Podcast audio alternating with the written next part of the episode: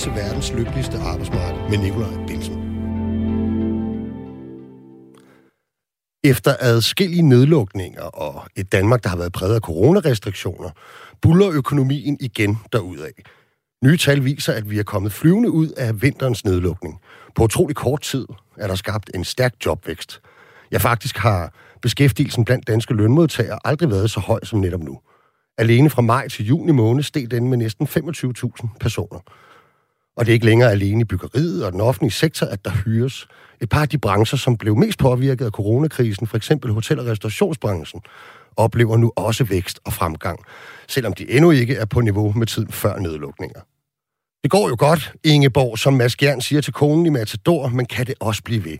Det spørgsmål kredser vi om i dagens program, for de gode nyheder modtages også med løftet pegefinger hos erhvervslivet og dets organisationer. Her opleves der forgæves rekrutteringsforsøg og en akut mangel på medarbejdere, som i den sidste ende kan være en bombe under opsvinget. Lettere adgang til udenlandsk arbejdskraft og hurtige reformer, der øger arbejdsudbuddet, er ønsket. I hvert fald, hvis man spørger blandt de borgerlige politikere og hos arbejdsgiverne. Men deles analysen og frygten hos regeringen og i fagbevægelsen, det taler vi alt sammen om i denne udsendelse, hvor jeg har fået et brag af et panel med mig i studiet, beskæftigelsesordfører fra Socialdemokraterne Henrik Møller, forbundssekretær i 3F Søren Heisel og underdirektør i Dansk Arbejdsgiverforening Erik Simonsen. Lidt senere får vi også politisk leder fra Liberal Alliance, Alex Vandopslag, med på en telefon. De er for nylig kommet med et udspil om ansættelsestop i den offentlige sektor, for på den vis at skaffe de fornødne hænder til det private erhvervsliv. Der kommer jeg født selv fra, altså den offentlige sektor, hvor jeg ud over mit job som sengetekniker også er fællestillidsmand. I dag og den næste times tid er jeg dog jeres vært. Velkommen til programmet.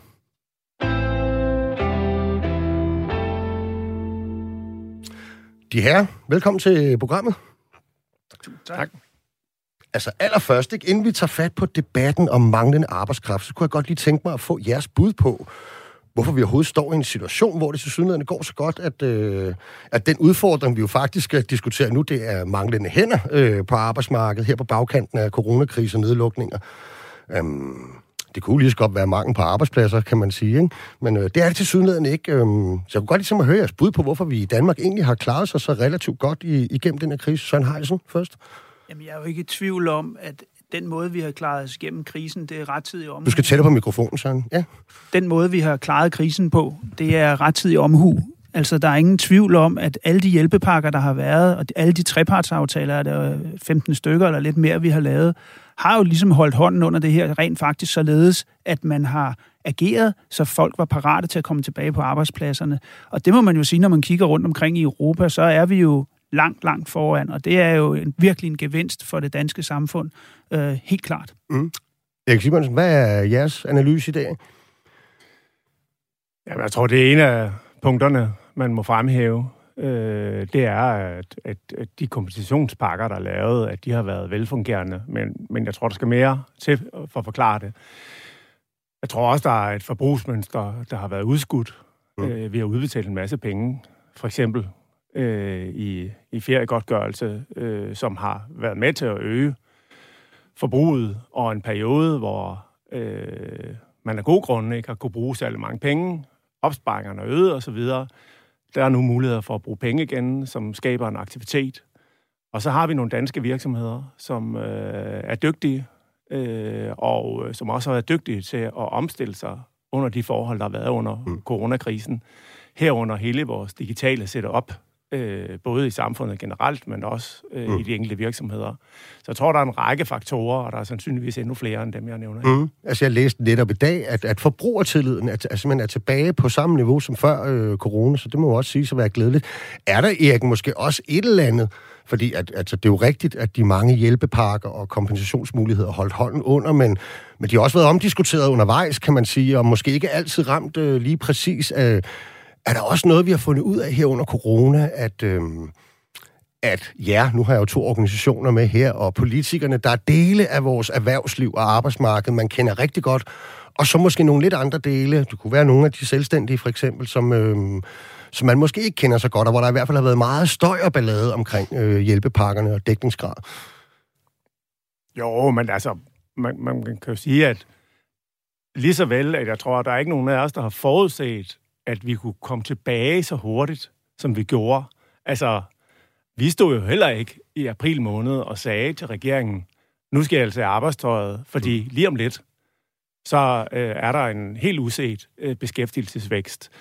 Og tilsvarende var det jo også, da corona øh, kom, og vi lukkede det her samfund ned, så skulle vi have noget til at fungere i løbet af ret få dage. Mm. Og der kan man godt efterfølgende sige, at I burde også have kigget på det ene og det andet og det tredje og sådan noget.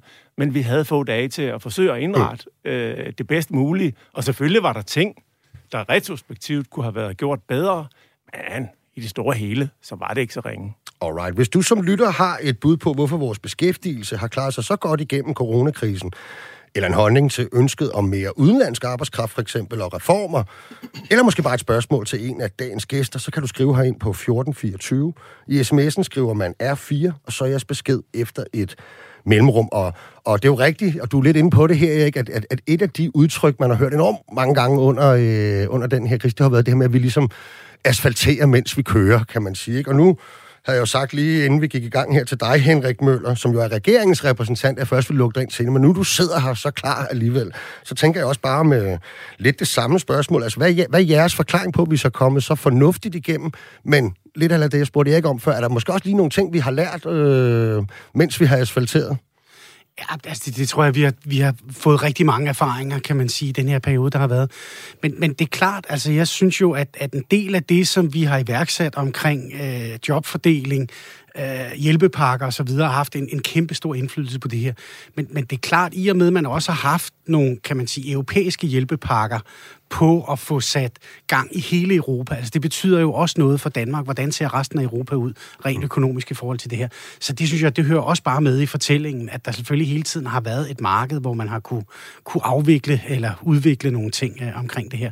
Men, men ellers må man sige, jeg tror, at, at, at det, der gjort op, det er cirka 240.000 arbejdspladser, man mm. i den her periode har holdt hånden under, hvor at hvis ikke vi havde lavet nogle af de her tiltag, jamen så havde man måske måtte dreje nøglen om, og, og, og så havde vi skulle starte forfra. Så øh, det tror jeg er noget af forklaringen. Okay. Jeg tror, der er bred enighed om, at vi sådan på lidt længere sigt har en ret så stor udfordring med manglende arbejdskraft. I hvert fald, at for få vælger nogle af de uddannelser, som vi ved, der vil mangle arbejdskraft indenfor. Det gælder for eksempel både øh, faglærte i stor stil inden for det private, men altså også nogle af de klassiske velfærdsuddannelser inden for det offentlige. Og den del af debatten øh, kommer vi også ind på, tænker jeg, lidt senere øh, måske. Men jeg vil godt tænke mig at starte med det helt akutte, fordi at øh, øh arbejdsgiverne, de ser jo altså øh, en akut mangel på arbejdskraft bliver der i hvert fald fremhed hele tiden. Ja, kan du ikke lige prøve at, at indvige os lidt i, hvad er det, I ser? Jamen, vi ser jo et stigende antal job, som bliver slået op, og som ikke bliver besat. Øh, så vi har et stort antal job. Øh, selv for den periode, der dækker delvist en nedlukning, så havde vi næsten 40.000 job, der aldrig blev besat. Og det billede, det vil helt sikkert blive mere markant med den udvikling, vi har lige i øjeblikket. Så vi har nogle fantastiske muligheder for at øge beskæftigelsen i Danmark. Det sker jo også. Men hvis vi ikke gør noget, så kommer vi ikke til at udnytte mulighederne fuldt ud. Og det synes vi jo, at vi bør, øh, fordi det er jo både vores velstand, men også vores velfærd er jo dybt afhængig af, at øh, vi er så mange som muligt i beskæftigelse her i landet. Så vi har nogle muligheder, og vi appellerer sådan set bare til, lad os nu gribe de der muligheder, øh, og lad være med at forblive passive. Jo, men I, I, I svinger også retorikken sådan lidt op til, at øh, altså, det kan bremse opsving, og det kan være en bombe under øh, den gode økonomiske situation, vi er i. Gør I ikke? Altså, jo, Nogen gør. Jo, jo, jo, det er fuldstændig rigtigt, at der er der en risiko for, at det her det kan ende med, at dansk økonomi øh, står i en situation, der svarer til den, vi havde før finanskrisen, uden dermed at sige, at det er en ny finanskrise. Men faren for øh, høje lønstigninger, øh, øh, stigende inflation, øh, øh, den er der til stede. Øh, og, og, og derfor så appellerer vi bare til, lad os nu få en sund udvikling i dansk økonomi mm. øh, til gavn for alle danskere. Øh, fordi det vil jeg mene, at det er det, hvis vi sørger for, at de job, vi kan skabe, de bliver besat. Mm, okay, Søren Heisel, forbundssekretær i 3F, og det er jo jer, som organiserer og overenskomstdækker meget forskellige dele af arbejdsmarkedet i virkeligheden, men, men i hvert fald også for eksempel byggeriet, industrien og hotel- og restaurationsbranchen, som er nogle af dem, der altså skriger på den her arbejdskraft, og i talsæt, at, øh, at de mangler den. Kan I genkende billedet af en stor og akut mangel på, på arbejdskraft? Altså lad os slå fast, lige nu, der er vi faktisk 1300 ledige, end vi var før corona. Så vi har folk, og jeg har det sådan, at, at øh, og det ved jeg ikke også, at hver morgen kl. cirka 5.43, der kommer retriever. Nogle gange, så en gang i fjernsynet kommer jeg til at sige, der kiggede jeg på min retriever hver morgen og så, hvem mangler nu arbejdskraft. Og når man siger retriever, så er det altså ikke hunden. Så er det sådan en nyhedsoverblik, så jeg kan læse om alle dem, der nu har. Og vi kontakter hver enkelt en og siger, hvad er det, du mangler? Og der må jeg sige, at der er langt. Den sidste, det var her i, hvis man må re- lave reklame for andre tv-radioprogrammer, men det er, øh, hvor der i Berlingerne var en hotelejer ude ved siden af lufthavnen, der sagde, at han havde manglet arbejdskraft. Siden øh, marts måned havde han søgt. Øh, og der kom han igennem hænderne i orienteringen, tror jeg det var, på at det viste sig, det der med at slå stillingerne op, det er ikke sådan, at vores medlemmer har en krystalkugle, så de kan se, hvilke stillinger, der er slået op. Han har fat i 3F i maj øh, hvor han havde fået arbejdskraft, og det næste, han vælger, det er at lave den der artikel i Berlingerne, hvor han siger, at han ikke kan få arbejdskraft. Vi havde 200 ledige i København, som var villige til at tage rengøringsarbejde, og øh, altså, der er et eller andet med, at vi har ledige, men hvor er det, man slår dem op? Slår man dem op i avisen og siger, at man mangler arbejdskraft? Eller slår dem op der, hvor de faktisk er der på jobnet og så videre, hvor man kan se, hvad stillinger er der ledige. Og det er rigtigt, at nogen inden for visse fag, der mangler vi arbejdskraft. Andre fag, der er det sådan, at vi stadigvæk har ledige. Jamen altså, det, det er lidt uforståeligt, hvis man snakker for eksempel tømmer murområdet. Der siger man, ja, vi kommer til at mangle rigtig meget arbejdskraft. Jeg mener bare, at, at når man kigger på sådan, vi ved også godt, at selvom der er kommet fuld fart på jobbene, der er kommet flere praktikpladser, så det sidste, vi gik op, lige nu står der 15.664 unge mennesker og mangler en praktikplads på den, der hedder praktikpladsen.dk. Og hvis man går ind og kigger, så er der 1.835 unge mennesker, der gerne vil være tømmer. Jeg synes jo, det er pinligt, hvis man skal til at importere arbejdskraft.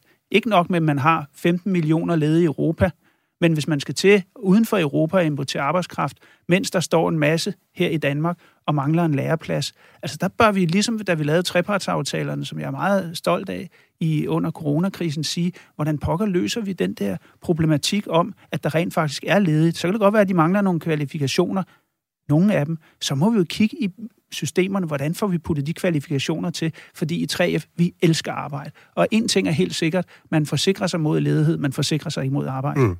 Erik, er man god nok til at, at, at, at søge medarbejderne de rigtige steder? Altså, det vil jeg jo mene, øh, ud fra den logiske betragtning, at virksomheder, der mangler nogle medarbejdere, og dermed øh, skabe noget vækst i den virksomhed, man har, de forsøger jo ikke at lægge øh, sådan snubletråde ud for sig selv.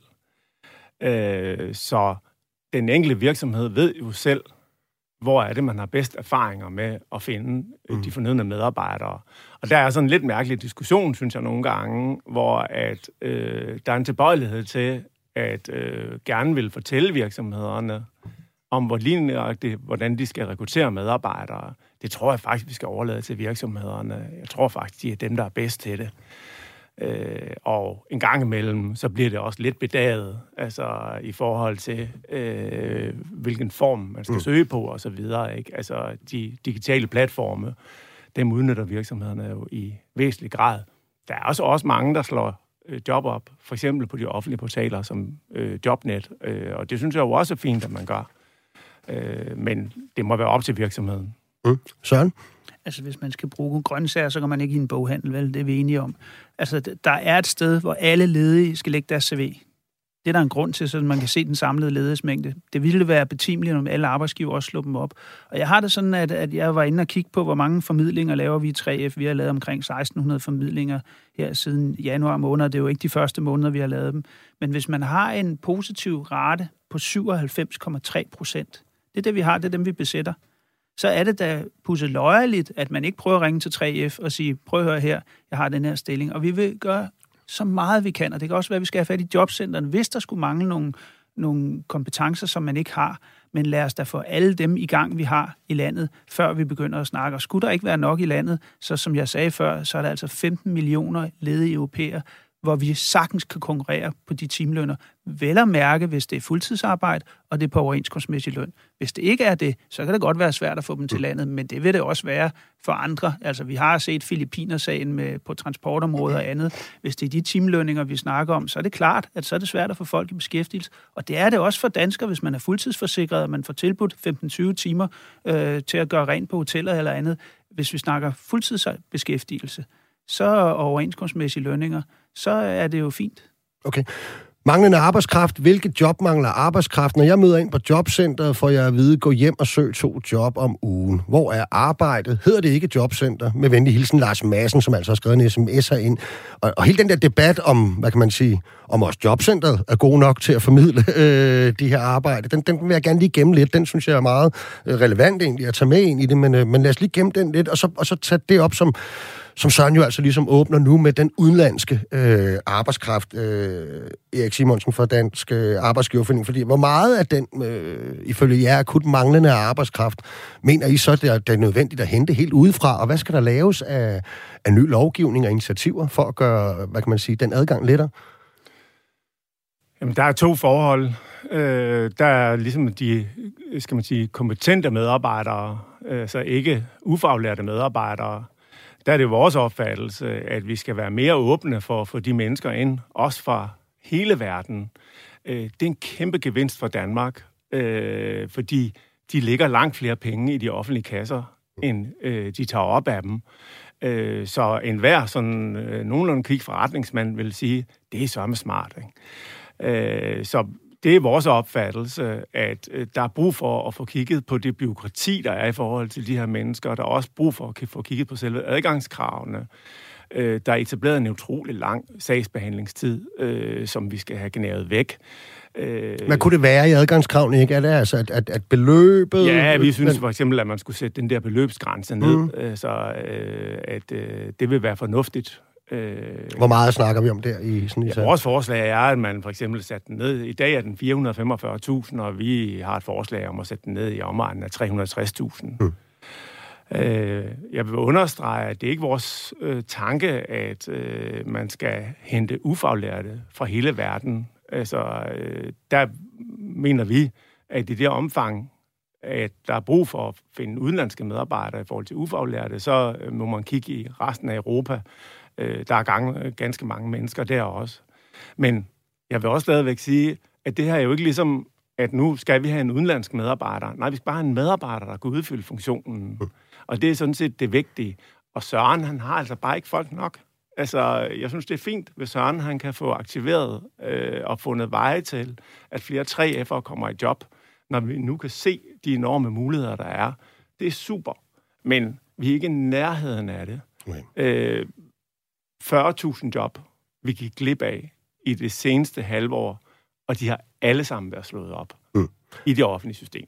Du får lov at svare lidt senere, Søren. Jeg kunne godt lige tænke mig at få Henrik Møller ind, øh, nemlig om vi bliver lidt på den her spørgsmål om den udenlandske arbejdskraft. Man kan jo ligesom sige, Henrik, at et af jeres støttepartier, øh, de radikale venstre, de har jo slugt meget af den her reformdagsorden sådan rimelig råt, og øh, jeg var lige ved at sige, at den går i bukserne på dem, hver gang man kan hente noget udlandsk øh, arbejdskraft også. De er i hvert fald øh, på ingen måde afvisende over for det. Ikke?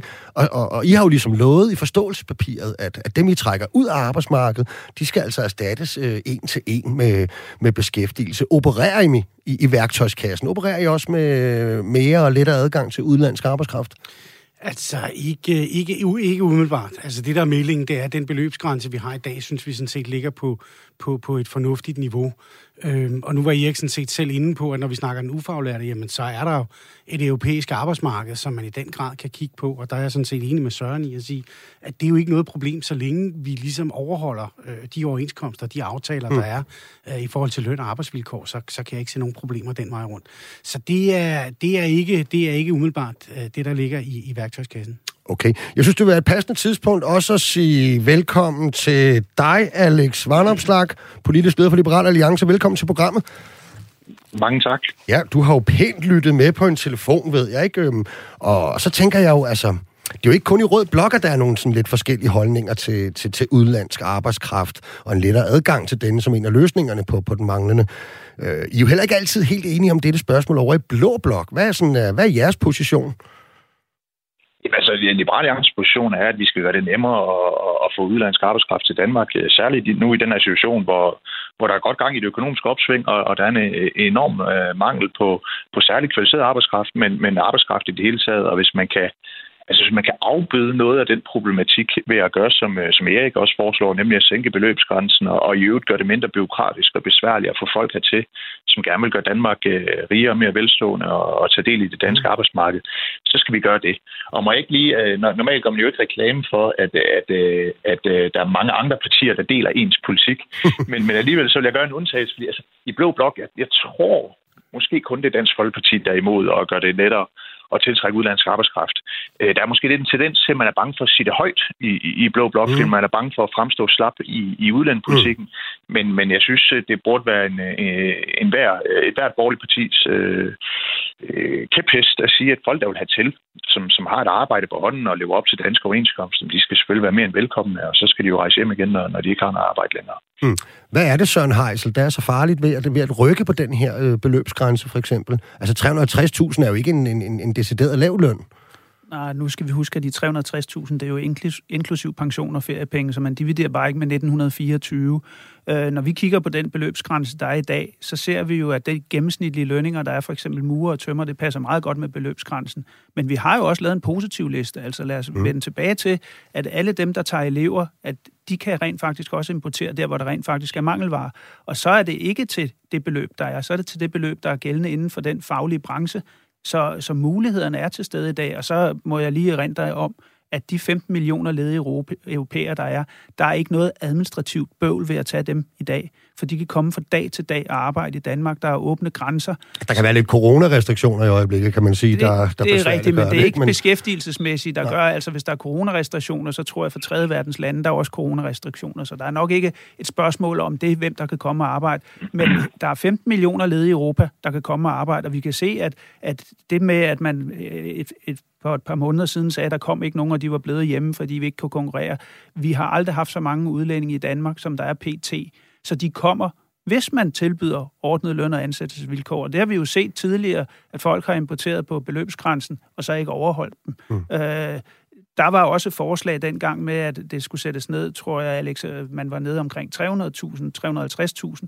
Så var det inklusiv pension og feriepenge, og hvor halvdelen kunne udbetales, som koster logi, så er vi altså nede på en løn, hvor der er ingen, der går på her i Danmark. Ikke? Og der, dem skulle man importere fra tredje verdens lande. Og det er vi nervøse ved. Vi synes, der er mange regler i dag, hvor man kan importere dem. At Erik så siger, at det kan godt være, at tidspunktet for, hvor man søger, til man får, at der kan gøres noget ved det. Men reglerne er jo entydige. Hvis det er, at man har lærling i sin virksomhed, tager det samfundscenter, der skal til for at udlære folk efterfølgende af den arbejdskraft, vi rent faktisk mangler, så er der også åbnet op for, at man kan importere arbejdskraft til Danmark. Og den synes jeg, der, er, det er da en fin aftale, der er lavet der. Beløbsordning, nu kom, nu, jeg ved ikke, om det var en fejl, Erik sagde det, han sagde, at øh, øh kompetente øh, Øh, folk, der kunne komme, ikke ufaglærte. Der vil jeg bare sige, under coronakrisen, alle de ufaglærte, de var vældig kompetente. Det er dem, der holder Danmark i gang. Og tage ufaglært arbejdskraft, når vi sakker, det er højt specialiseret arbejde at være ufaglært. Vi kalder det specialarbejder. Så jeg siger, at de ikke er kompetente, det vil jeg være frygtelig ked af. De holder Danmark i gang. Vi hed jo faktisk specialarbejderforbundet en gang, kan man sige. Men Erik, det er, jo, det er vel rigtigt nok det der med den der positiv liste. Det synes jeg også, jeg har læst mig frem til, at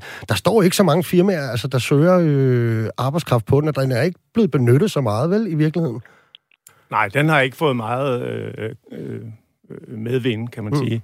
Jeg tror, den er relativt ukendt Øh, og det, det kunne meget vel være en opgave, som, mm. som vi skulle løfte ja. øh, og skabe mere opmærksomhed om mm. den. Men jeg synes, det er glædeligt, at Søren han jo egentlig bakker nu, som jeg hørte, entydigt op omkring det. Det gjorde I jo ikke, dengang den blev etableret. Der var I meget kritiske. Øh, så, så, øh, så det er jo glimrende. Mm. Øh, og jeg synes også, det er glimrende, at Søren han taler så pænt om medarbejdere fra hele Europa.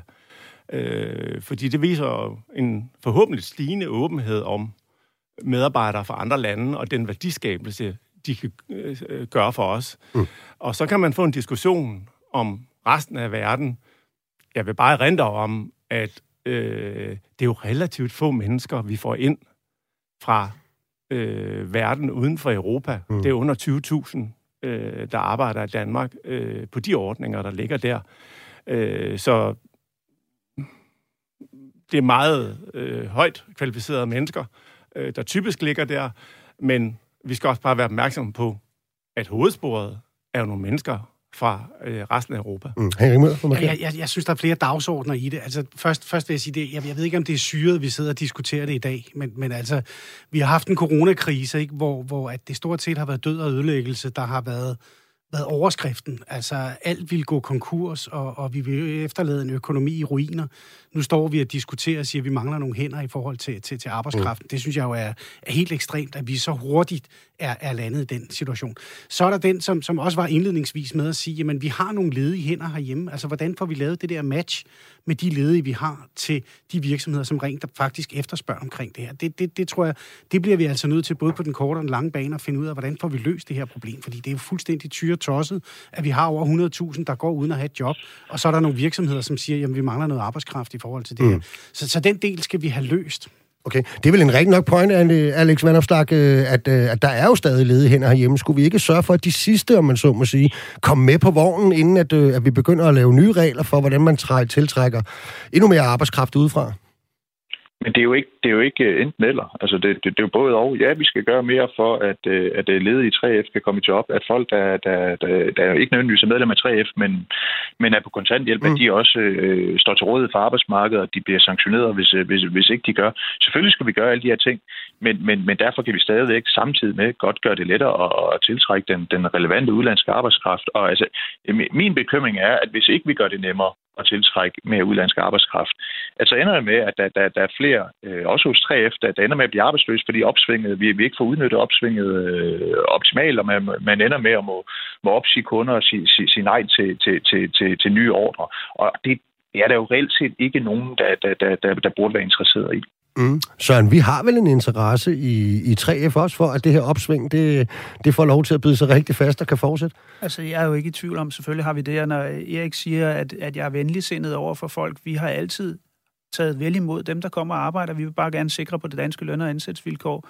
Men ligesom Henrik siger, vores første prioritet er selvfølgelig, at de ledige, øh, der er, at de skal kvalificeres til de job, der er. Vi kommer grøn omstilling, vi kommer til at lave rigtig meget, hvor der er brug for hænder, som måske også skal opkvalificeres. Og jeg synes, jeg hørte en professor, en klog professor, der i 60'erne og 70'erne, dengang vi begyndte ligesom at åbne op for, at man kunne tage arbejdskraft fra andre lande ind, øh, der steg ledigheden samtidig. Og jeg var jo meget nødig udkonkurreres, fordi man kommer op på ikke danske løn- og ansættelsesvilkår. Og det er det, vi siger. Vi elsker arbejde. Det skal være på danske løn- og ansættelsesvilkår, og så er vi også sikre på, at man kan konkurrere. Men hvis det er 0-timers kontrakt og ikke overenskomstmæssig løn, at man åbner op, som man så for eksempel kokkene på beløbsordningen, der rendte rundt for 30, 20, 15 kroner i timen og arbejdede 70 timer om ugen. Uh, og det, det var jo rigtig mange. Der tænker jeg bare, at det skal jo være på danske løn- og ansættelsesvilkår. Derfor mener jeg, at de regler, der er sat op i dag, både positivlisten, som det med med lærling, og at hvis det skal være højt kvalificeret arbejdskraft, så er lønnen altså ikke høj med den, den øh, beløbsordning, der er i dag. Erik? Jamen, jeg er jo helt enig med Søren. Altså i forhold til, at man skal sørge for at overholde reglerne, og det skal også have konsekvenser, hvis man snyder. Øh, så den del skal være fuldstændig klar. Mm. Øh, og øh, de lønninger, man betaler, de skal jo svare til de andre medarbejdere på den pågældende virksomhed. Øh, det er jo helt afgørende. Altså, så uanset hvor man kommer fra, og hvilken farve man har, og hvilken tro man har, øh, så øh, skal lønningerne matche det, der gælder for andre medarbejdere. Øh, det er helt afgørende. Mm. Øh, så det her handler ikke om øh, have adgang til lave lønninger.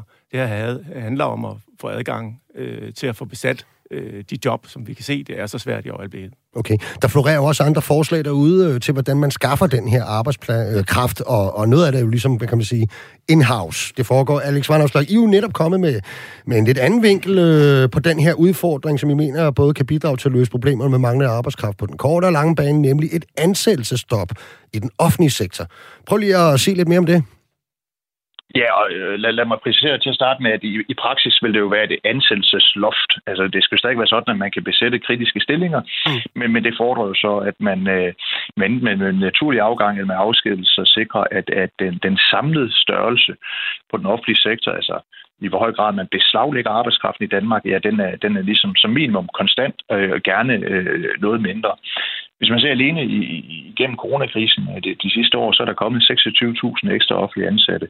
Og det er jo så 26.000 øh, mennesker, som, som ikke kan tage et, et job i den private sektor. Og, og jeg tror, det er afgørende, Øh, både på en kort bane og en lang bane, at der er en, en bedre balance mellem det, det offentlige og det private, og at man anerkender, at, at hver gang der, der er nogen, der bliver ansat i den offentlige sektor, jamen, så er det jo arbejdskraft, der, der, der kunne have, have været til gavn i, i det private.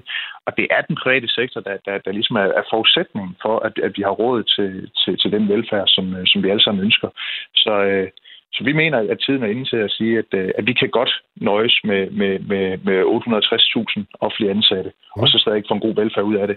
Og, og hvis det viser sig, at, at man må omprioritere, så er det nok heller ikke en, en dårlig ting. Altså man skal prioritere fra de kolde hænder til, til, til de varme hænder, og, og i det hele taget se på, hvor er det, at man, mm. man leverer noget, noget borgernært velfærd, og der, hvor man ikke gør, jamen der er det måske arbejdskraft, der, der vil gøre bedre okay. gavn i det private. Det skal vi næsten høre Henrik Møller fra Socialdemokraterne om. Har balancen øh, forrykket sig for meget mellem det offentlige og private her under corona? Ja, lad, lad, lad mig starte med at sige, jeg synes jo altid, det er sjovt, når, når, når liberale går ind for regulering og begrænsninger øh, i forhold til det, fordi det er sådan lidt mod naturen, kan man sige. Øh, nej, altså vi, vi, vi, vi har jo nogle, nogle, nogle udfordringer i forhold til det offentlige, når vi snakker sundhed øh, og hele vores omsorgsområde, øh, må man bare sige, jamen der, der mangler vi jo sådan set også arbejdskraft. At der skal vi have kigget på uddannelser for at sikre, at vi rent faktisk har nok hænder øh, i forhold til det her. Jeg synes jo, at, at, at det, er jo, det, er jo, det, er jo, det er jo altid nemt, når man siger, at det er jo en prioriteringsdiskussion. Hvem er det, der skal tage den? Altså i sidste ende bliver det jo kommunerne, der skal ud øh, og fyre. Mm. Og jeg synes, den der diskussion omkring varme og kolde hænder er ekstremt svært. Altså Altså, det er ligesom om, der er noget værdiladning i, at når man er ude, det er jo dem, der får den laveste løn, øh, og lave noget omsorgsarbejde, så man varme hænder, men, men når man sidder og administrerer, så man kolde hænder. Øh, og, og, og tingene hænger jo sammen i forhold til det der. Jeg synes, en vigtig ting i forhold til det offentlige, det er, at cirka en tredjedel af det offentlige forbrug bliver jo brugt i det private. Og det er bare lige for at sige, det er jo ikke ren tilsætning hele vejen igennem. At der er faktisk en stor del af den offentlige omsætning, som bliver brugt til private virksomheder. Så det er jo ikke alt, der bare går op i administration. Det bliver faktisk også brugt i forhold til vores produktion hjemme. Men, men, men altså, jeg er der med på, at vi altid skal diskutere størrelsen af vores, vores offentlige sektor, men vi kan bare se, at vi på nogle af de udvalgte velfærdsområder har noget, noget, noget enormt stort behov, som vi i hvert fald skal have løst. Og det er vel også rigtigt, Alex Vandomslag, at, at, at, at en del af den her øh, øde andel i den offentlige sektor jo trods alt er, er folk, vi ikke har ville kunne undvære under, under coronabekæmpelsen, hvis man skal sige det, ikke? Altså som har arbejdet inden for sundhedssektoren og test og podning og alle de der ting og sager, ikke? Øhm, og det går vel den anden vej nu så småt, Alex? Altså, gør det ikke? Kommer der ikke... Øh... Ja, i de, i, hos de private testleverandører, der begynder de at, at, at afskede poder i takt med, at de mm. mindre travlt. Men man ser ikke helt den samme tendens i det offentlige. Og når der er kommet 26.000 ekstra offentlige ansatte, så er det jo ikke poder alle sammen. Vi skal huske på, at, at, at de kviktest, der er i landet, er øh, for, for, i langt de fleste tilfælde, det er jo private virksomheder. Så, så det er jo ikke mm. noget, der tæller med som, øh, som, som øh, ekstra offentlige ansatte. Jeg, jeg er helt med på, at der mangler... Øh, altså man har den samme udfordring i den offentlige sektor, som man har den private sektor. Man mangler den relevante arbejdskraft. Mm. Øh, personer, der, der, der, der har taget den uddannelse, som der nogle gange er brug for. Men, men der er samtidig brug for en, en, en diskussion af, af, hvordan vi prioriterer arbejdskraften og midlerne i den offentlige sektor. Altså, hvis man ser hen over de sidste 10 år, så, så er antallet af akademikere ude i kommunerne steget med 44 procent. Altså 44 procent. Så, så vi ser en, en tendens til, at der er flere og flere, der skal forvalte velfærden, og der mangler hænder til, til dem, der skal levere den, samtidig med, at dem, der i går så finansierer den i den private sektor, ja, der mangler der også arbejdskraft. Og der er et eller andet, der, der, der, der er helt skævt, og, og, og der mener vi jo så en, en måde, hvorpå man kan tage hul på, på, på løsningen, det er at sige, så er der et ansættelsesloft, og nu er vi nødt til at, at mm. prioritere klogere, end vi har gjort hidtil. Det er, jo, det er jo en gammel debat, Henrik, det her, ikke? Jo, altså jeg vil sige, loftet tror jeg ikke, vi, vi går med på, men, men, men når jeg hører Mette Frederiksen snakke også, altså, så, så er det jo noget af det, hun sådan set også påpeger. Det er, at rigtig meget af den tid, der også skal bruges på den direkte omsorg og så videre, bliver brugt til alt muligt andet i forhold til møder, administration og så videre.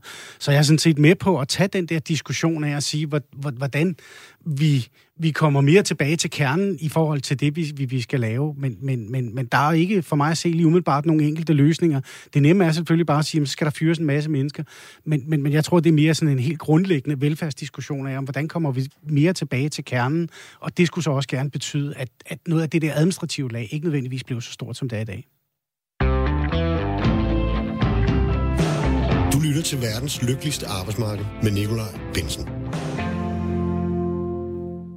Det gør du nemlig, og i dag debatterer vi om manglen på arbejdskraft på kort sigt kan skade den ellers meget gunstige situation, vi står i med et økonomisk opsving og stor optimisme både blandt forbrugerne og i erhvervslivet. Med til at tage den debat har jeg Søren Heisel, forbundssekretær i 3F, Erik Simonsen, underdirektør i Dansk Arbejdsgiverforening, og vi har også besøg af et par politikere i form af Alex Vandopslag fra Liberal Alliance og Henrik Møller fra Socialdemokraterne. Hidtil har vi primært koncentreret os om det besvær, erhvervslivet mener, de har med helt akut at besætte aktuelle stillinger, og en øget og lettere adgang til udlandsk arbejdskraft som en af løsningerne her på i den sidste del af dagens udsendelse, så kunne jeg godt tænke mig, at vi breder os lidt mere ud og berører manglen på lidt længere sigt, og også samt eventuelle reformer, der kan skaffe flere hænder på arbejdsmarkedet. Du kan fortsat som lytter give dit besøg med i forhold til dagens tema. Skriv en sms til 1424, skriv R4, og så din besked efter et mellemrum. Erik Simonsen, en af jeres øh, medlemsorganisationer, Dansk Erhverv, de er kommet med et forslag, som både adresserer den akutte mangel og den på lidt længere sigt, nemlig at studerende og pensionister kan arbejde mere uden modregning i SU eller i pensionen. Er I som øh, hovedorganisation enige i, at det, det også kunne hjælpe noget? Det er punkter, hvor man øh, fint kunne tage fat. Øh, øh, vi har løbende advokeret for det forslag der er, at øh, man fjerner modregningen for arbejdsindkomst i folkepensionen, fordi vi i dag kan se, at vi har skabt et system, hvor kombinationen af almindelig indkomstskat og så modregning mm. i både egen eller ægtefældens folkepension og indkomst indebærer, at man i visse situationer skal aflevere 5 kroner til fællesskabet, hver gang man tjener 6. Mm. Og det får man ikke folk til at arbejde ved. Øh, så det vil være et supert forslag øh, at gennemføre. Det kan øge arbejdsudbuddet. Finansministeriet siger med cirka 2.000 personer. Det er trods alt en pæn slat, hvis man lavede det, og det vil forenkle øh, hele folkepensionssystemet øh, ganske betragteligt. Mm. Så det synes jeg jo er et øh, punkt, hvor at jeg vil da opfordre politikerne til, kom nu i gang. Mm. Øh, øh, tag noget så simpelt som det, øh, og øh, få øh, åbnet arbejdsmarkedet mm. for øh, de mange, der er på folkepension i højere grad. Mm. Du sidder faktisk og nikker, Henrik Møller. Er det også nej, jeg, Socialdemokraternes politik? Nej, jeg sidder og tænker på, at vi har en kommission, der er nedsat, der skal komme med nogle bud på, mm. hvordan vi får øget det her arbejdsudbud. Og det vil undre mig, hvis ikke det her var en del af de ting, der kom til at ligge i værktøjskassen. Altså, så, så, så det er bare for at sige, uden at sige, jamen det synes jeg bare, vi skal gøre, så, så vil jeg jo ikke afvise, at mm. det kan godt være en af de der okay. redskaber, der skal til.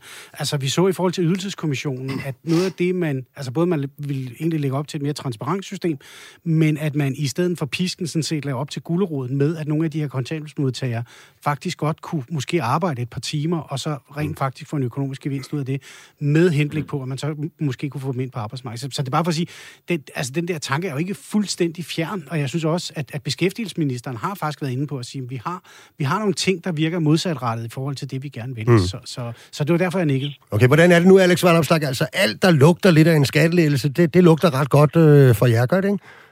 Jo, vi har faktisk stillet præcis det der forslag nede i Folketingssalen tilbage i, øh, i foråret, tror jeg det var.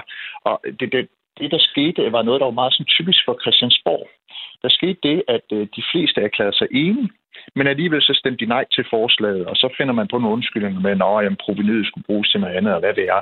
Og det, det er sådan en Christiansborg-ting, hvor, hvor man helst ikke vil stemme for de andre partiers forslag. Man skal helst øh, lave en aftale, eller lade regeringen komme med forslaget. Og det er sådan lidt ærgerligt, fordi jeg tror egentlig, at der er en, en, et flertal på Christiansborg, der godt kan se, at der er behov for at gøre noget her. Men øh, man skulle jo nødt i en situation, hvor det er Liberale Alliance, der får æren for at have, ændret det.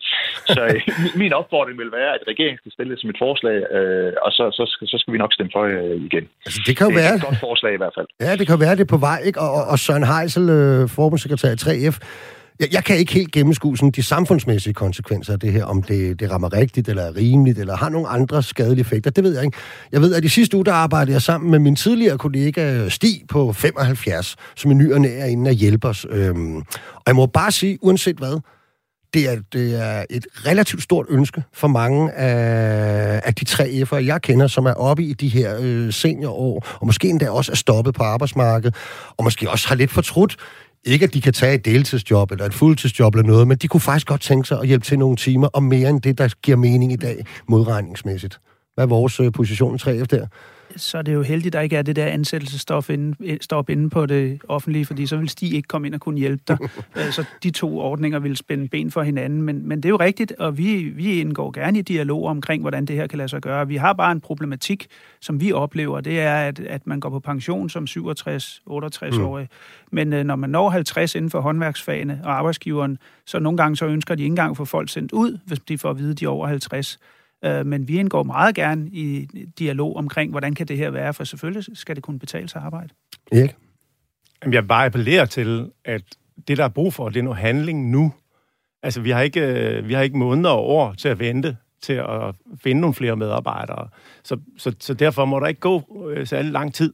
Øh, så, øh, så i givet fald, det skal omkring en kommission, så vil jeg bare sige, så får den kommission til at levere noget her senest i september måned, så vi kan få det gennemført og øh, komme ud og virke. Det er det, der er brug for. Søren? Jamen lige, øh, hvis det er de der medarbejdere, fordi det er jo meget stort, ligesom der blev sagt i starten af uddannelsen, vi mangler medarbejdere. Hvis vi kan få det konkret, hvor er det henne geografisk, hvad er det for et område, så vil vi jo gøre alt, hvad vi kan for at skaffe den kvalificerede arbejdskraft, om det er uddannelse eller hvad er sammen med jobcenteren. Men vi vil gerne vide, hvad præcis det er. Også at hvis det er, at det er noget, der kan tages af seniorer, og kan, at folk kan løfte, er det tungt arbejde, eller hvad det er. Vi indgår meget, meget gerne i de dialoger. Mm. Jeg kunne godt tænke... Henrik, vil du ind? Nej, men det, det, jeg, jeg så bare lige tænke, noget, noget af nyhederne i dag er jo hele den der boligjobordning, ikke? Mm. Altså, hvor man siger, jamen, at, at, at det er en af de områder, hvor det faktisk går rigtig godt, hvor, hvor man lidt måske har efterspørgsel på noget arbejdskraft. At, at der kan man så gå ind og lave noget, men det kommer så til at virke modsat i forhold til arbejdsudbudsdiskussionen, øh, som er der. Men det er klart, at det er jo sådan set, nu er der også regeringen, der er spillet ud, men, men det er man jo nødt til at kigge på. Altså, at det virker modsat af det, vi egentlig gerne vil. Mm. Jeg kunne godt tænke mig, at vi lige prøvede at... Vi lod lidt den der hænge med jobcentrene, med åh, om der er det rigtige match derude, om vi får lidt folk ligesom i den rigtige øh, retning i forhold til de, de job, der, øh, som arbejdsgiverne øh, har og ikke bliver besat.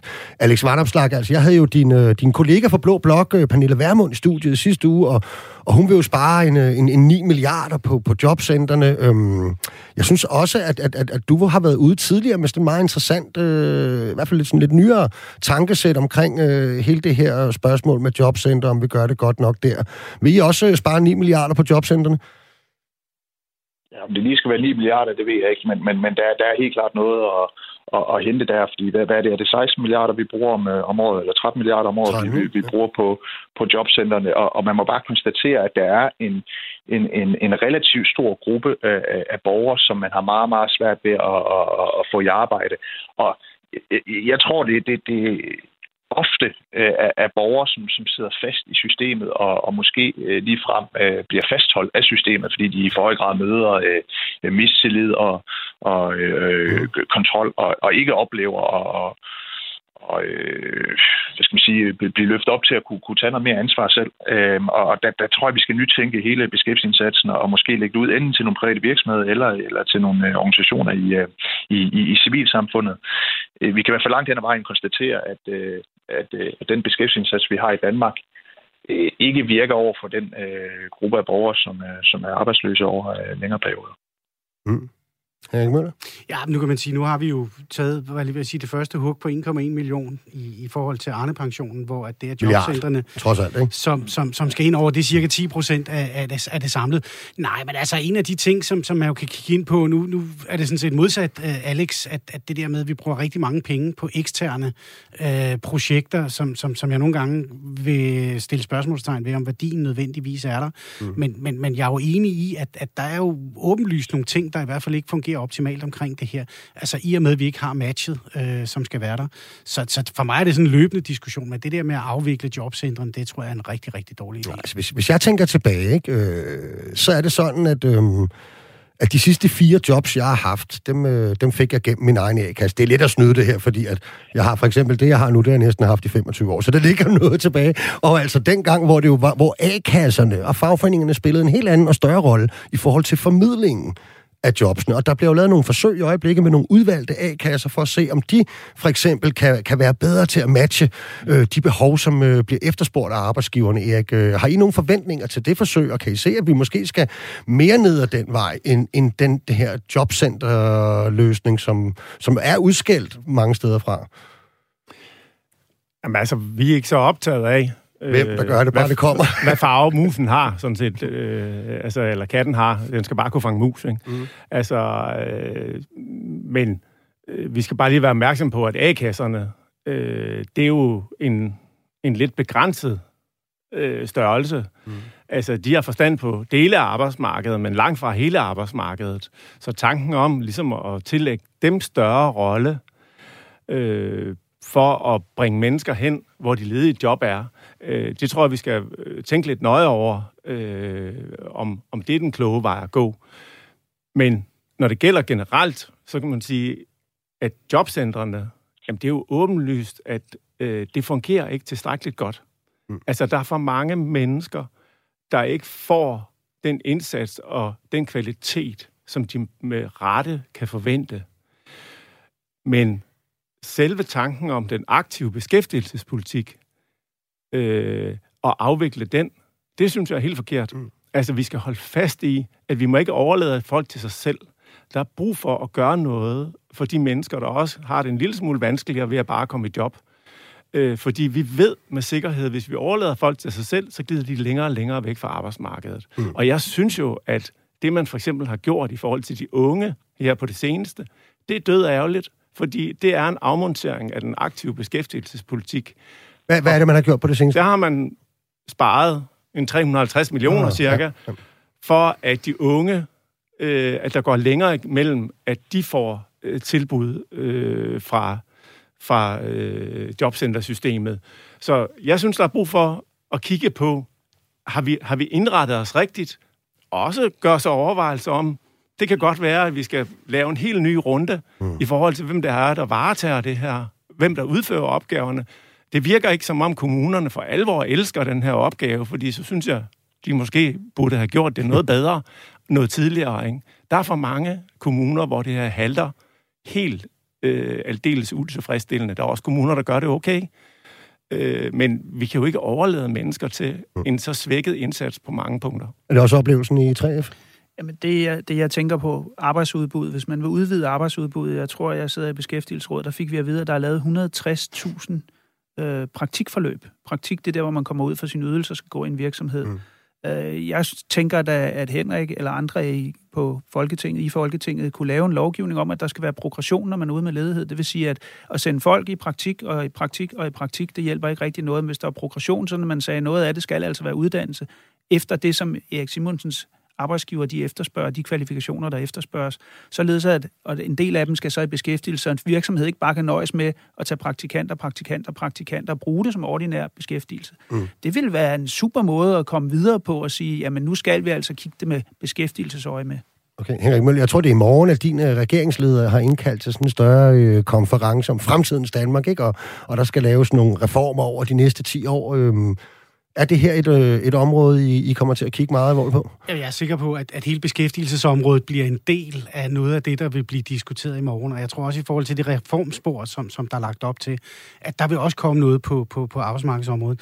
Jeg, jeg, jeg fornemmer, at vi ligesom er enige omkring, mm. i hvert fald det der med den aktive arbejdsmarkedspolitik, men alt det, der ligger imellem, mm. det er der, hvor, hvor at, at der, der, der er mange nuancer, synes jeg, i, i forbindelse med, hvad er det for nogle, præcis for nogle redskaber, der skal til. Nu kunne vi høre Erik, der siger, jamen bare de der første 300 millioner, vi har fundet på jobcentrene i forhold til indsatsen over for, for, for de, de unge på uddannelsesydelse, at, at, at der er vi ikke enige om, at det skulle have været den måde, vi, vi, vi skulle have gjort det på. Så jeg tror, hver gang vi ligesom piller ved, ved jobcentrets funktion og økonomi, så vil der være nogle aktører, der på en eller anden måde har nogle andre holdninger, end, Okay, end lige al- præcis det, vi beslutter. Du var selv inde på det her med, at A-kasserne måske fik et større ansvar i forhold til, til, til, til, mm. til, til for eksempel det første halve år i forhold til jobformidling mm. og sådan noget. Øh, og og det er da en diskussion, jeg tror helt sikkert, der vil komme, men det vil der også være forskellige øh, meldinger på. Hvad er det, Alex Van Omslag, som I tænker, man, man, man sætter konkret i stedet for? Det er vel ikke nok bare at sige, nu skal en privat aktør, eller for den sags skyld en A-kasse, øh, overtage det her? Nej, men jeg, jeg tror, der kan være noget fornuftigt i at adskille rollerne. Som siger, jobcenternes rolle, det er at, at sikre, at, øh, at den aktive beskæftigelsesindsats bliver overholdt forstået på den måde, at man står til rådighed for arbejdsmarkedet, og at man, man lever op til de der forskellige regler, så jobcentrene har ligesom kontroldelen.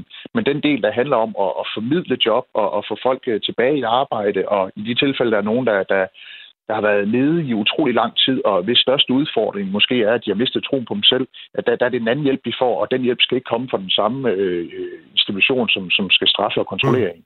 så, så jeg tror, det er de baner, man skal tænke i, og så er der jo så de ledige i forhold til, til der, der, der, der modtager dagpenge og er i A-kasserne. Altså, der, der, der kunne jeg sagtens forestille mig, at, at A-kasserne vil have øh, de rette incitamenter til selv at, at, at hjælpe de, de personer videre, og de gør jo allerede en indsats i dag. Så, så der er nogle ting der, men jeg har jo ikke nogen, nogen, nogen færdig løsning. Mm. Jeg kan bare konstatere, at det her det er et område, som, som er utroligt komplekst og svært, og, mm. og, og vi kan ikke være tilfredse med, hvordan det fungerer i dag. Nej, og nogle gange lander vi lidt på også, at så skal vi lave øh, nogle, nogle store uddannelsesindsatser og sådan noget, også over for, for, for de ufaglærte og ledige. Øhm, tænker I nogle gange, Erik Simonsen, over hos arbejdsgiverne, at, øh, at det ikke nødvendigvis er uddannelse, der er vejen til, til et job hurtigere? Ja, absolut. Fordi det ved med sikkerhed, at det ikke er. Øh, lige her for sommerferien øh, kom der nogle større evalueringer af uddannelsesindsatsen inden for rammerne af den aktive beskæftigelsespolitik. Og de pegede på, overordnet set, at meget af det uddannelse, vi gennemfører, det virker ikke. Det er tværtimod kontraproduktivt. Altså, så det der et felt, hvor vi synes, lad os da gå ind og kigge på der. Vi bruger nogle penge i dag, som gør, at man kommer i beskæftigelse senere, end man ellers ville gøre. Så der er et pengespil der, og det synes vi, der man skulle kigge på. Mm. Øh, så det skal vi næsten lige høre, hvad, hvad, hvad Søren og Tre siger til det.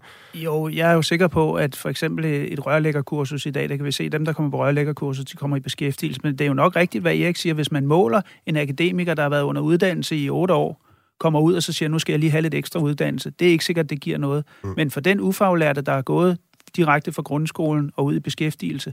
Hvis hans virksomhed lukker, og man skal i gang med noget andet, så er det ud på et AMO-kurs til det, der efterspørges. Så er jeg også sikker på, at han vil blive taget frem for ham, der ikke har været på uddannelse i det. Så jo, vi skal kvalificere også til den grønne omstilling, men det er klart, at dem, der har fået tonsvis af uddannelse, hævder det jo ikke rigtig meget, at man, man tager noget mere uddannelse, men for vores medlemsgrundlag, der er jeg ikke i tvivl om, at uddannelse hjælper. Mm. Jamen, altså, vi, vi, vi har jo her under coronaen haft, haft de der uddannelser med 110 procent dagpenge, som har været målrettet nogle af de brancher, der rent faktisk har manglet arbejdskraft. Og det er mere den der diskussion af at sige, også på længere sigt i forhold til erhvervsskoler kontra gymnasier, øh, med at, at få nok uddannet arbejdskraft inden for, for, for de brancher, der er her. Det er det der med at sige, jamen, kan, kan vi have en frihed til, at alle skal vælge selv 100 procent, hvad de gerne vil? Eller skal vi på en eller anden måde regulere og styre derhen, hvor behovet er? Og der, der tror jeg bare, at vi politisk kommer til at træffe nogle valg, som gør at sige, at når vi snakker uddannelse, så skal vi selvfølgelig målrette det, så det giver mening, når man er færdig bagefter, og der ikke bare er en automatisering mm. i, i de ting, der er. Men det betyder jo noget af den der valgfrihed, der, der er i dag, øh, formentlig forsvinder omkring det her. Mindre valgfrihed, hvordan lyder det for Liberal Alliance, Alex? ja, det er jo ikke sød musik i vores ører. Øh, det, det kan vi ikke lide. Men, men, men, men det, det, det er rigtigt, at at det, at der er et frit valg, det gør jo også, at der er nogen, der, der så bruger det frie valg til at vælge nogle uddannelser, som samfundet reelt set ikke har brug for, og øh, hvor de også selv ender i en situation, hvor, hvor de måske er ledige i længere tid, end, end de ellers øh, gerne selv vil være, og ender med et arbejde, som de reelt set er, er overkvalificeret til. Så, så der er jo en, en reel udfordring, og, og og man kan sagtens argumentere for, at så længe at det er skatteyderne, der betaler for, for, for uddannelserne, så skal man se på noget, noget dimensionering. Altså, der, der, der simpelthen er færre universitetspladser mm. til, til de uddannelser, som, øh, som øh, mange unge vælger, altså i forhold til kommunikationsuddannelser og, og lignende, som, som der reelt set ikke er så stor brug for. Men vi kommer jo aldrig nogensinde til at skulle tvinge folk ind til, til erhvervsskolerne. Vi skal finde måder at, at gøre erhvervsuddannelserne mere attraktive. Jeg tror noget af det handler om, om, om det sociale liv. Altså det, det, det, det fede ungdomsliv er jo bare desværre på gymnasierne. Når du først har taget det første skridt med gymnasiet, så er det oplagt at, at, at læse videre okay. på, øh, på universitetet. Så hvis man kunne, kunne gøre noget for, at øh, at det sociale liv på erhvervsuddannelserne i højere grad bliver integreret på, på gymnasierne også. Altså, der er et mm. fælles socialt liv. Så tror jeg, det kan være med til at, at, at, at, at motivere flere til at tage en erhvervsuddannelse. Men, men det skal jo ske gennem det, det, det, det frie valg, og, okay. og man skal vise, hvor attraktivt det er at, at være håndværker frem for at være arbejdsløs kommunikationsuddannet. Mm. Sådan. Jeg skulle lige høre, Alex, sagde du, at man, jeg lyttede lidt til, det var ligesom om, man skulle fastholde sin ledighed, indtil man fik et job, som man var kvalificeret til. Skal dem, der så har en meget høj uddannelse, ikke ud i et ufaglært beskæftigelse, hvis det er, der er ledige stillinger nu? Det, det synes jeg da bestemt, vi skal, men jeg kan jo bare konstatere, at, at mange, der, der tager øh, en universitetsuddannelse, ender med, med job, som, som, som de er overkvalificeret til. Og det tænker jeg, det er ærgerligt for dem selv. Jeg skal, lige, jeg skal lige høre her, fordi I har været, det har også haft det her med dimittentledigheden, som andre har foreslået. Mm-hmm. Øh, I har været lidt stille på det der spørgsmål, øh, Henrik, i Socialdemokratiet. Øh, går I og barsler på, på nogle forringelser på, på det her? Det ved jeg ikke. Altså, det eneste, jeg kan sige, det er, jeg tror, man skal, man, man skal afvente. Nu er der et møde, som du selv siger, i morgen, og så kommer der lidt et udspil i forhold til, til reformdelen, blandt andet på arbejdsmarkedsområdet. Altså, så kan man jo se, om ikke der kommer noget der måske. Okay, jeg skal lige nå noget her til allersidst, Erik. Øhm, og det er måske lidt kæderisk, men altså, øh, handler mangel på arbejdskraft nogle gange også om, at man ikke tilbyder attraktiv nok øh, løn- og arbejdsvilkår? Altså, hvis du mener lønninger på overenskomst, øh, niveau minimum, Øh, Når du tænker så, på den her nej. med poderne, for eksempel, ikke, så, så siger man, at øh, de vil hellere over at have 189 kroner i timen, øh, frem for 128 kroner eller 148 yeah. kroner i timen i hotel- og restaurationsbranchen. Det er klart, en stor offentlig kasse, den kan være svær at konkurrere med. Altså, så øh, når man vælger at, at, at, at lønne med 189 kroner i timen, så bliver det svært med at gøre, men øh, du vil jo ikke betale lige pludselig 10 kroner mere for din kop kaffe. Ikke? Og sådan er det også med verden derude, øh, som vi sælger til. De vil ikke bare betale ubegrænset, så det kan man ikke øh, uden videre. Nej, og ved hvad, jeg tror så småt, at vi er ved at være ved vej sende Henrik Møller, beskæftigelsesordfører for Socialdemokraterne, Erik Simonsen, underdirektør i DA, Søren Heisel, forbundssekretær i 3F, og ikke mindst Alex Vandopslag med utrolig gode telefonmanerer, vil jeg sige. Tusind tak, fordi I ville deltage i debatten her. Jeg blev i hvert fald selv lidt klogere. Vi høres ved igen i næste uge, samme tid og sted. Og verdens lykkeligste arbejdsmarked, det er produceret af Rackerpark Productions. Dagens program var produceret af ingen ringer end Linda Nygaard.